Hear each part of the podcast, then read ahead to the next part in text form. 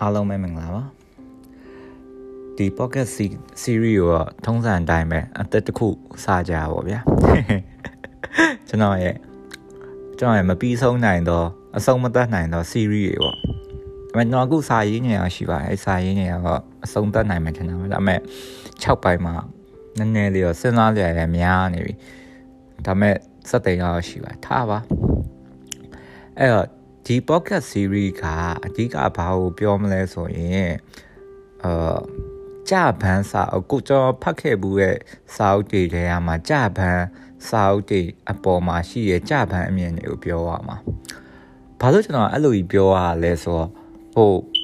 ကျွန်တော်ပြဿနာဗျာကျွန်တော်ကဟိုအများလူအများကြီးကိုအဲ့လိုအသိခွန်ကြွေးကြတာမျိုးမဟုတ်ဟိုတနည်းနည်းနဲ့ခတ်အောင်လုပ်ထားချင်တာပေါ့နော်ဘာလို့လဲဆိုတော့ ပြင်းပြင်းလို့ပြင်းလို့ဆိုတာ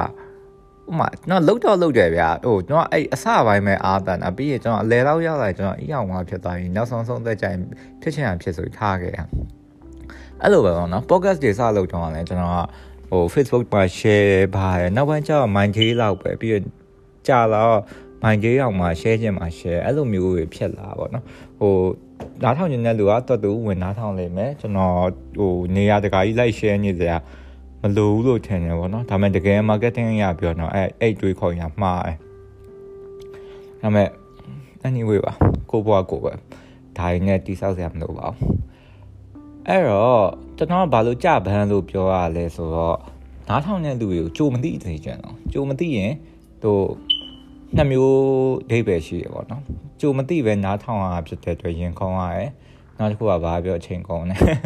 အဲတော့ကြကြိုသိရင်သိရမလားဟိုဆက်ပြီးနားမထောင်ဖြစ်တာကိုကြိုက်တာမကြိုက်တာဒါရှိအောင်မလားအဲ့တော့ဒီတိုင်းပဲဟိုနားထောင်ရင်းနဲ့မှာဘာသာအကြောင်းပြောလဲဘာအကြောင်းပြောလဲဆိုတာဟိုတဖြည်းဖြည်းသိတာလိမ့်မယ်ပေါ့နော်ဒီနေ့ကျွန်တော်ပြောချင်တဲ့စာအုပ်ကစာအုပ်ဆိုတဲ့ဗျနော်အဓိကအားဖြင့်အကြောင်းအရာအဓိကပြောချင်တာဂျူးရဲ့ချမကြီးတက်ပင်ပေါ့နော် ကျွန်တော်အဲ့ဟိုဒီ podcast ရဲ့ဟိုဟာမှဒီ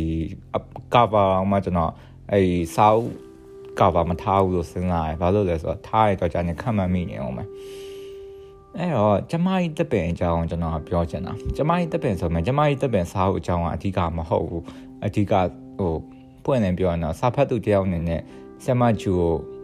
နည်းနည်းဝေးဖန်တာပေါ့နော်နည်းနည်းရရင်ပြောရတော့ဖောင်းတူပါပေါ့နော်ဖောင်းတူအောင်မဟုတ်ပါဘူး ဒါပွင့်နေပြောကျွန်တော်ကြိုက်တဲ့စာရေးဆရာပါပဲဒါပေမဲ့ကျွန်တော်နဲ့သဘောထားချင်းမတိုက်ဆိုင်နိုင်ရရှိမှာပဲသူဆိုတော့သဘောထားချင်းမတိုက်ဆိုင်ရင်ဒီလိုပဲငင်းညခုံကြရပဲလေနော်ဟိုအဲ့အယူအညှိုးအကားတွေထားကြရအောင်မလိုပါဘူးပြီးတော့ဆရာမကလည်းသဘောထားကြည့်ရလို့ပါကျွန်တော်ဒီတိုင်းပဲပောက်ရပြောရရင်အဲကျွန်တော်အကိုတယောက်ကတစ်ဆင့်သူပြန်ကြားရရှိပါတယ်ဒါပေမဲ့ဟိုဒါပြောပြောဆိုခွင့်ရှိရလို့သူလည်းသဘောထားရဲ့လူတယောက်ပါပဲအဲ့တော့ကျွန်တော်တို့ပြဿနာရှိမှမထင်ပါဘူး ကျမဤတပင်ကျမဤတပင်ကကျွန်တော်တော်တော်ကြိုက်တဲ့စာအုပ်ထဲမှာပါပါเนาะမဖတ်ရသေးတဲ့လူတွက်ဆိုရင်တော့ spoiler ဖြစ်ကောင်းဖြစ်မယ်အဲမတက်နိုင် spoiler မှပဲရမှာပဲစာအုပ် review လုပ်နေတယ်မဟုတ်ဟိုဒီစက်သိမ်းမပြောဘဲနဲ့ကျွန်တော်စဉ်းစားရယူကျွန်တော်ဘယ်လိုပြောမလဲလေเนาะကျမဤတပင်ကအဓိကအားဖြင့်တော့စပွန်ဆာမမကြီးနဲ့ဒီမျိုးပေါ်တက်လာတဲ့ဟိုအမှုပညာရှင် ဂီတာချစ်တဲ့အမှုပညာရှင်ကောင်းလေးနှစ်ယောက်အကြောင်းပေါ့နော်ဆမ်မဂျိုကြိုက်တဲ့တချို့အချက်တွေကဘာလဲဆိုတော့ तू ကသူရေးချင်တဲ့စာအုပ်အကြောင်းအရာမှာထည့်ပြီးပါမယ်ဒီနောက်ခံဘုဒ္ဓတာရေဆိုရင် तू ကဟိုလုံလုံလောက်လောက် तू ကစဉ်းစားပြီးမှရေးလေရှိရဥမာဗျာမရှိမဖြစ်မိုးဆိုရင်ဒါစိမ့်ပြရင်းညှိဟုတ်တယ်စိမ့်ပြရင်းညှိကြောင်းဒီပိုချဲသူကိုဖြစ်ပါစေဆိုရင်ဒါဒီ ဟိုဟာဘာလဲဒီဟိုဂျီနိုဆိုက်တို့ဒီပြည်တွင်းဆက်တို့ဒီအားကြောင်းအာချစ်သူရဲ့ကျမရဲ့ညာရယ်ဆိုပကြီးကြောင်းပြီးတော့အာနေအခြားတစ်ဖက်၌ဆိုရင်ဒါဒီစိတ်ပညာအကြောင်းနေပါတယ်ဒါတော့ဆရာဝန်ဆိုတော့သူ့တော့ကတော့ဟိုဒါကြီးကတိတ်ပြီးတော့မထူးဆန်းဘူးပေါ့လေအဲမိမတယောက်ဖွဲ့ဝန်ခံချက်ဆိုတဲ့အဲ့လိုပဲ တကယ်ဆိုမိမတယောက်ဖွဲ့ဝန်ခံချက်ဆိုကျွန်တော်တော်တော်မကြိုက်တဲ့ရုပ်ရှင်အနေနဲ့ဖြစ်သွားပါလေဒါပေမဲ့ရုပ်ရှင်တော့တော့မကြည့်လိုက်ပါဘူး trailer ကြည့်ကြတယ်မကြိုက်တော့ဘူးဘာလို့လဲဆိုတော့အဲ့ဒါနောက်မှပဲပြောမှထားပါ ကျမရဲ့တပင်အကြောင်းမှပြောအောင်ကျမရဲ့တပင်ဆိုရင်ဆ iam ကတချင်းဘယ်လောက်နားထောင်လဲဆိုတာ तू ကအဲ့မှာကိုညွန်ပြနေလို့ပဲဆိုလိုတဲ့ဘောလေ तू ကအာဒီကတနဲ့ပတ်သက်တဲ့ဒီ DY အနေနဲ့ तू သဘောကျတဲ့ DY အနေနဲ့ပတ်သက်တဲ့ ဟာတွေကို तू ကချက်ချနာနာ तू ကဟိုပြောသွားရေးသွားပါလေပြောသွားရေးသွားပါလေအဲ့တော့အုပ်ဆိုးဆိုတဲ့ကောင်လေးတယောက်ကဒီမျိုးပေါ်တက်လာတယ်ဂီတာသမားတယောက်အနေနဲ့အသက်မွေးရယ်အဲ့မှာမှမမကြီးတယောက်နဲ့တွေ့ရယ်မမကြီးနဲ့သူနဲ့ကညားနေရပေါ့နော်ညားနေရဆိုမှလည်းသူကအဲ့လိုဟိုညားနေရလို့လည်းမရေးဘူးဆိုလိုတဲ့သဘောဟိုညားညားနေရတိတာရဲ့ဟာမျိုးတွေလည်းမပါဘူးဟိုရိတ်ဖန်းတတ်ဖန်းလေးပဲ သိရပါဘူးဒါကလည်းအဲ့ခက်ကစာပေစင်ဆာလည်းပါမယ်ပြီးတော့ပြီးတော့ကျွန်တော်စဉ်းစားမိတာဆ iam ကဘလို့ပဲပဲညမာလူပေါင်းအဖွဲ့အစည်းထဲမှာပါနေတဲ့မိမတယောက်ဆိုတော့ဟို sorry ဒီညမှာမိမတယောက်လို့ပြောတာဟိုဒီဟိုဂျာမအခြေပြုခွဲခြားဆက်ဆံတာမဟုတ်ဘူးဗျာဒါပေမဲ့ပြဿနာကျွန်တော်ကဟိုဒီကျွန်တော်ရဲ့ link ဖြစ်တည်မှုပဲဆိုဆိုဒီဂျာမဖြစ်တည်မှုပဲဆိုတော့ဒီဖြစ်တည်မှုပေါ် မူတည်ပြီးတော့ကျွန်တော်ရဲ့ဘောဟာတွေးခေါ်ရဟိုထိန်းချုပ်ခံရပဲအတိုင်းအတာတစ်ခုကြီးဒါရောဘယ်လိုယုံထွက်အောင်မလဲလို့ဆိုရင်အာအတိုင်းဝိုင်းအသက်ကိုကိုကပြောင်းရွှေ့ပြီးနေဘူးမှရမှာဥပမာကြည်အေးနဲ့ဂျူးနဲ့ကရေးဟန်ရင်တူပဲဘာရညာရဲဆိုတာမျိုးပြောကြမျိုးရှိရတာဒါပေမဲ့ကျွန်တော်မျက်လုံးထဲမှာရောကျွန်တော်ဖတ်ကြည့်တော့နှစ်အုပ်သုံးအုပ်၄၅အုပ်ပေါ့နော်ဖတ်ကြည့်တော့မတူဘူးဗျ ဘာလို့မတူလဲဆိုတာအဓိကကကြည်အေးကနိုင်ငံခြားမှာသွားနေရနှစ်ကိုတော်တော်ကြကြနေဘူးပါနှစ်ကိုတော်တော်ကြကြနေဘူးရဲ့လူတယောက်ဖြစ်တဲ့အတွက်သူ့ရဲ့ထိတွေ့မှုတွေဟိုဗမာမဆန်တဲ့အတွေးခေါ်မျိုးရှိတယ်အဲကြုံရင်တော့ကျွန်တော်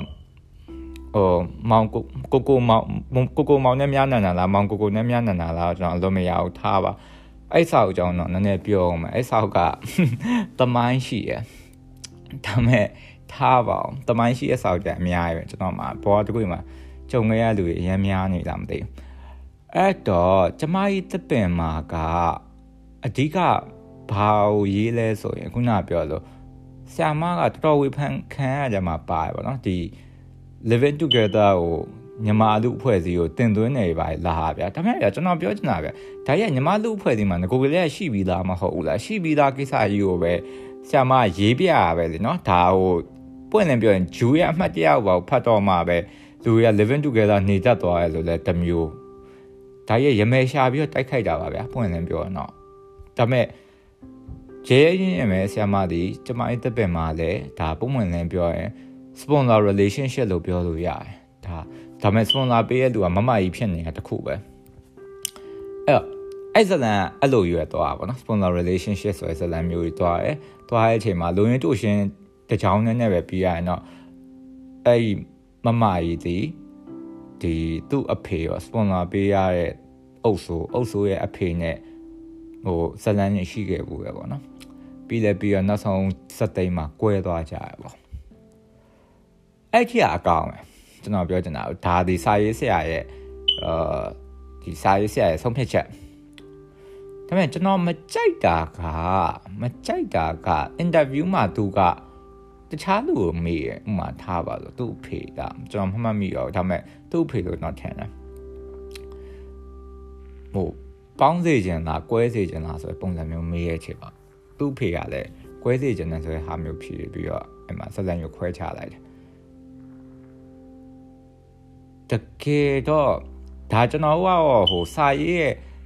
ဟိုညီစနစ်ပိုင်းတွေကိုကျွန်တော်ဆွေးနွေးလို့ရမယ့်ကိစ္စမျိုးမဟုတ်ဘူးဘာလို့လဲဆိုတော့ကျွန်တော်အဲ့လောက်ဆွေးနွေးရအောင်လည်းပညာရှင်လည်းမဟုတ်ဒါပေမဲ့ကျွန်တော်မြင်တာကစာရေးဆရာရဲ့မလွတ်လပ်မှုကိုကျွန်တော်သွားမြင်တာဗျာ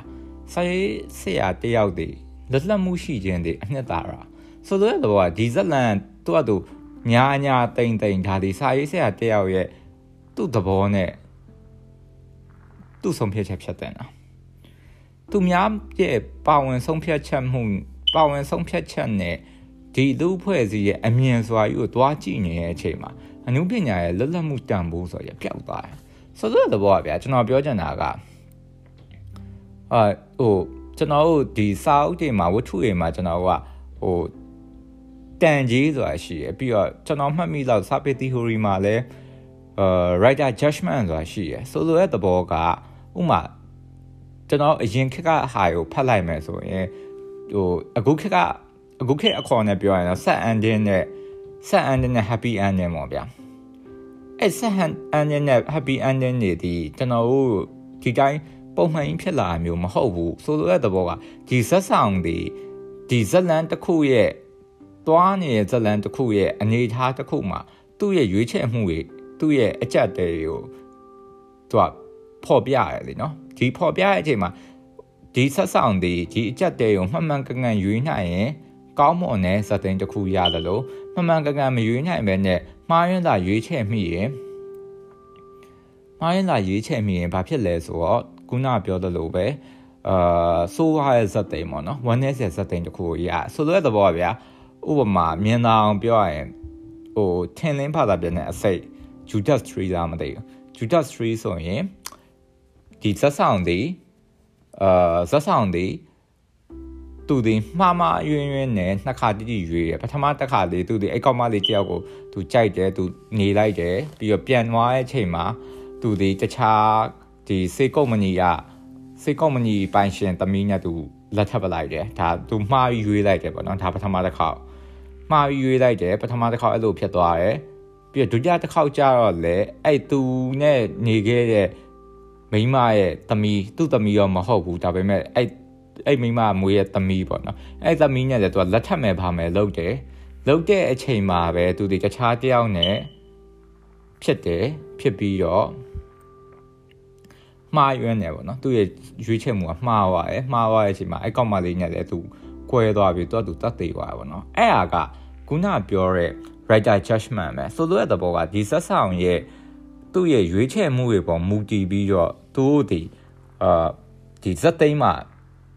ဘာဖြစ်သွားပါလဲဆိုရယ်ဖြည့်ရှင်းချက်ထုတ်ရတယ်အဲ့ထုတ်တဲ့အချိန်မှာခုနပြောလို့ဒီစာရေးဆရာတရားစီရင်မှုတစ်ခုကိုလောက်ရတယ်ပေါ့နော်ဒါပေမဲ့ပြဿနာကတကယ်လက်တွေ့ဘဝမှာအဲ့လိုဖြစ်လားဆိုတော့မဖြစ်ဘူးဗျာဟိုလက်တွေ့ဘဝမှာတချို့ကိစ္စရကြပန်းဆန်ပြီးတော့ဒီတိုင်းပြီးသွားတာဘာမှဒီပြန်ပြီးရလိုက်တာမျိုးတရားစီရင်ဟိုတရားမျှတမှုတစ်ခုရလိုက်တာမျိုး ရှိရင်လည်းရှိရင်မရှိရင်လည်းမရှိဘူး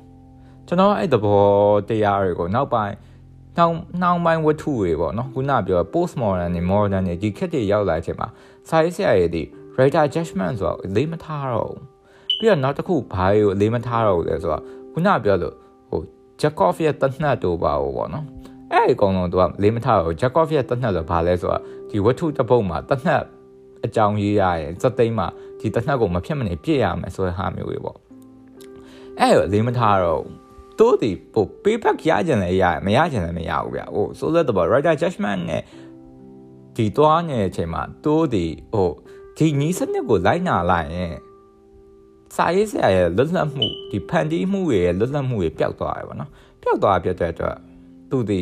they don't give a fuck anymore ညာအဲ့တော့ဆိုတဲ့ဘောဗျာဒါနီးစနစ်ပိုင်းအရာဖြစ်လာမယ်ကိစ္စတော်မှ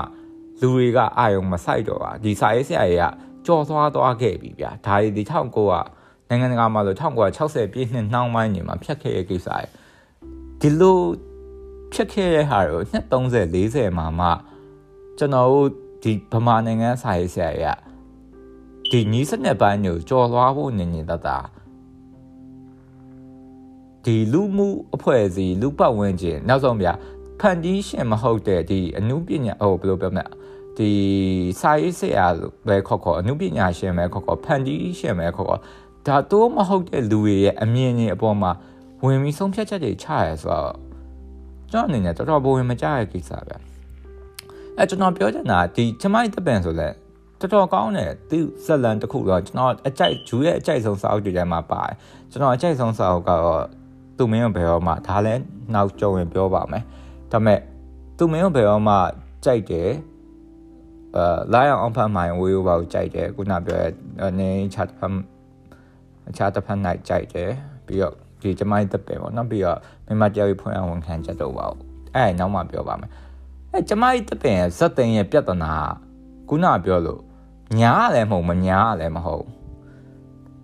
တခြားလူတယောက်ရဲ့အမြင်ကြီးနဲ့ကောက်ပြီးထည့်လိုက်တာအဲ့ဒါပြဿနာအဲ့တော့ကျွန်တော်တို့ကဘာဖြစ်သွားလဲဆိုတော့တ ဒါကြီးတိလိုက်တဲ့အချိန်မှာပဲကျွန်တော်ဒီတိုင်းဖတ်တဲ့အချိန်မှာအော်โอเคသူကမများတော့ဘူးတလောက်ပဲဟိုဒါစိတ်ကျင်နေလားဆိုရင်တော့อืมတိတ်မကြိုက်ဘူးဘာလို့တိတ်မကြိုက်ဘူးလဲဆိုတော့အာများလို့ရတယ်လို့ကျွန်တော်မြင်နေပေါ့နော်ဒါပေမဲ့မများတော့ဒါမညာတော့လဲကျွန်တော်လက်ခံပေးလို့ရတယ်ဘာလို့လဲသူ့ဖေနဲ့လည်းဖြစ်ခဲ့ဘူးပဲ it is so weird ဘာညာဆိုတာမျိုးရှာသေးတယ်ဒါပေမဲ့ဒါကြီးအဲ့မညာရဲ့ဆုံးဖြတ်ချက်ကြီးကလည်း စာရေးဆရာရဲ့ဆုံးဖြတ်ချက်မဟုတ်ဘူးဆိုတော့တိလာရတဲ့အချိန်မှာကျွန်တော်တော်တော်လေးတော်လေးစိတ်ညစ်သွားတော့ဩဆရာမလည်းတမျိုးပဲဟာအဲ့လိုမျိုးဖြစ်သွားအဲ့စားရဲ့အဲ့ကိစ္စကြီးอ่ะအာအဲ့တော့ဗျာသူ့ရဲ့အမှုပညာလက်ရာတစ်ခုอ่ะဗျာကောင်းတဲ့ရဲ့သားနဲ့ဒီထိန်ချုံမှုပေါင်းနဲ့ရောက်သွားတယ်ဘာလို့ဒီထိန်ချုံမှုပေါင်းနဲ့ရောက်သွားလဲဆိုရင်လည်းကျွန်တော်စဉ်းစားကြည့်လိုက်ရင်လည်းဒီခုနပြောတဲ့ ဒီလူဖွဲ့စည်းရဲ့ဒီလူဖွဲ့စည်းရဲ့ပေါ်မှာသူဒီထိန်ချုပ်ခံရရဲဆိုရယ်အမြင်ကိုကျွန်တော်ပြန်သွားတွေ့ရဆိုတော့ကျွန်တော်ဒီကျွန်တော်တို့ဖြစ်တည်နေတဲ့လူဖွဲ့စည်းရဲ့အရှိကိုရောက်တယ်ဆိုရင်တောင်မှဒီလူဖွဲ့စည်းရဲ့ထိန်ချုပ်မှုကိုကျွန်တော်ပြန်ခံအောင်ခံရဗျအဲ့ဒီစာပေအနုလက်ရအနုပညာလက်ရရဲ့မှာတော့ပြန်ကြည့်ကြည့်သွားသွားတွေ့ရသူတို့ဘာလို့တလို့ရေးလဲဆိုရယ်အဖြေကိုကျွန်တော်ပြန်ထုတ်ကြည့်ရင် အဲ့ခေအဲ့စနစ်မှာဖြစ်ခဲ့တဲ့ဟာတွေရဲ့ထင်ဟမှုတွေပါရဲဆိုတော့ကျွန်တော်ပြန်တွေ့ရလိမ့်မယ်အဲ့ဟာကိုအာယုံစိုက်စေချင်တာကျွန်တော်တို့ဒီစာဖတ်တဲ့ချိန်ကျရင်အဲ့ဟာကိုအာယုံစိုက်တယ်အနည်းငယ်များပေါ့လေဒါအမြဲတော့ဘယ်သူမှအာယုံမဆိုင်နိုင်ပါဘူးကျွန်တော်လည်းအာယုံမဆိုင်ပါဘူးချိုးဟာရဲဆိုကိုဖတ်ချင်တော့ဖတ်ပြီးတော့ပေးပလိုက်တာပဲဒါရေးကြည့်ရတော့ထင်တယ်အဲ့ဒီ podcast မှာအဓိကပြောချင်တာကကျမိုင်းသစ်ပင်စာအုပ်ကြောင်းလည်းမဟုတ်ဘူးစက်သိန်းကြောင်းလည်းမဟုတ်ဘူးကျွန်တော်မြင်တဲ့အမြင်က စာရေးဆရာတွေဒီလူဖွဲ့စည်းနဲ့ကင်းကွာပြီးမနေနိုင်ဘူးပြီးလူဖွဲ့စည်းရဲ့ထင်ဟပ်ချက်တွေကိုတို့ဒီအလေးထားပြီးတော့ဆောင်ရွက်နေရဆိုတော့တော်တော်တွေ့လိမ့်မယ်အကြံနဲ့တခြားသော podcast တွေမှာလည်းသူဘာလို့ဒီလိုရေးရလို့ကျွန်တော်ထင်လဲဆိုရက်အဖြေပါလာမယ်လို့ကျွန်တော်မြင်ပါတယ်အခုချိန်ကြီးတိခဏနားထောင်ပေးအားလုံးကျေးဇူးအများကြီးတင်ပါတယ်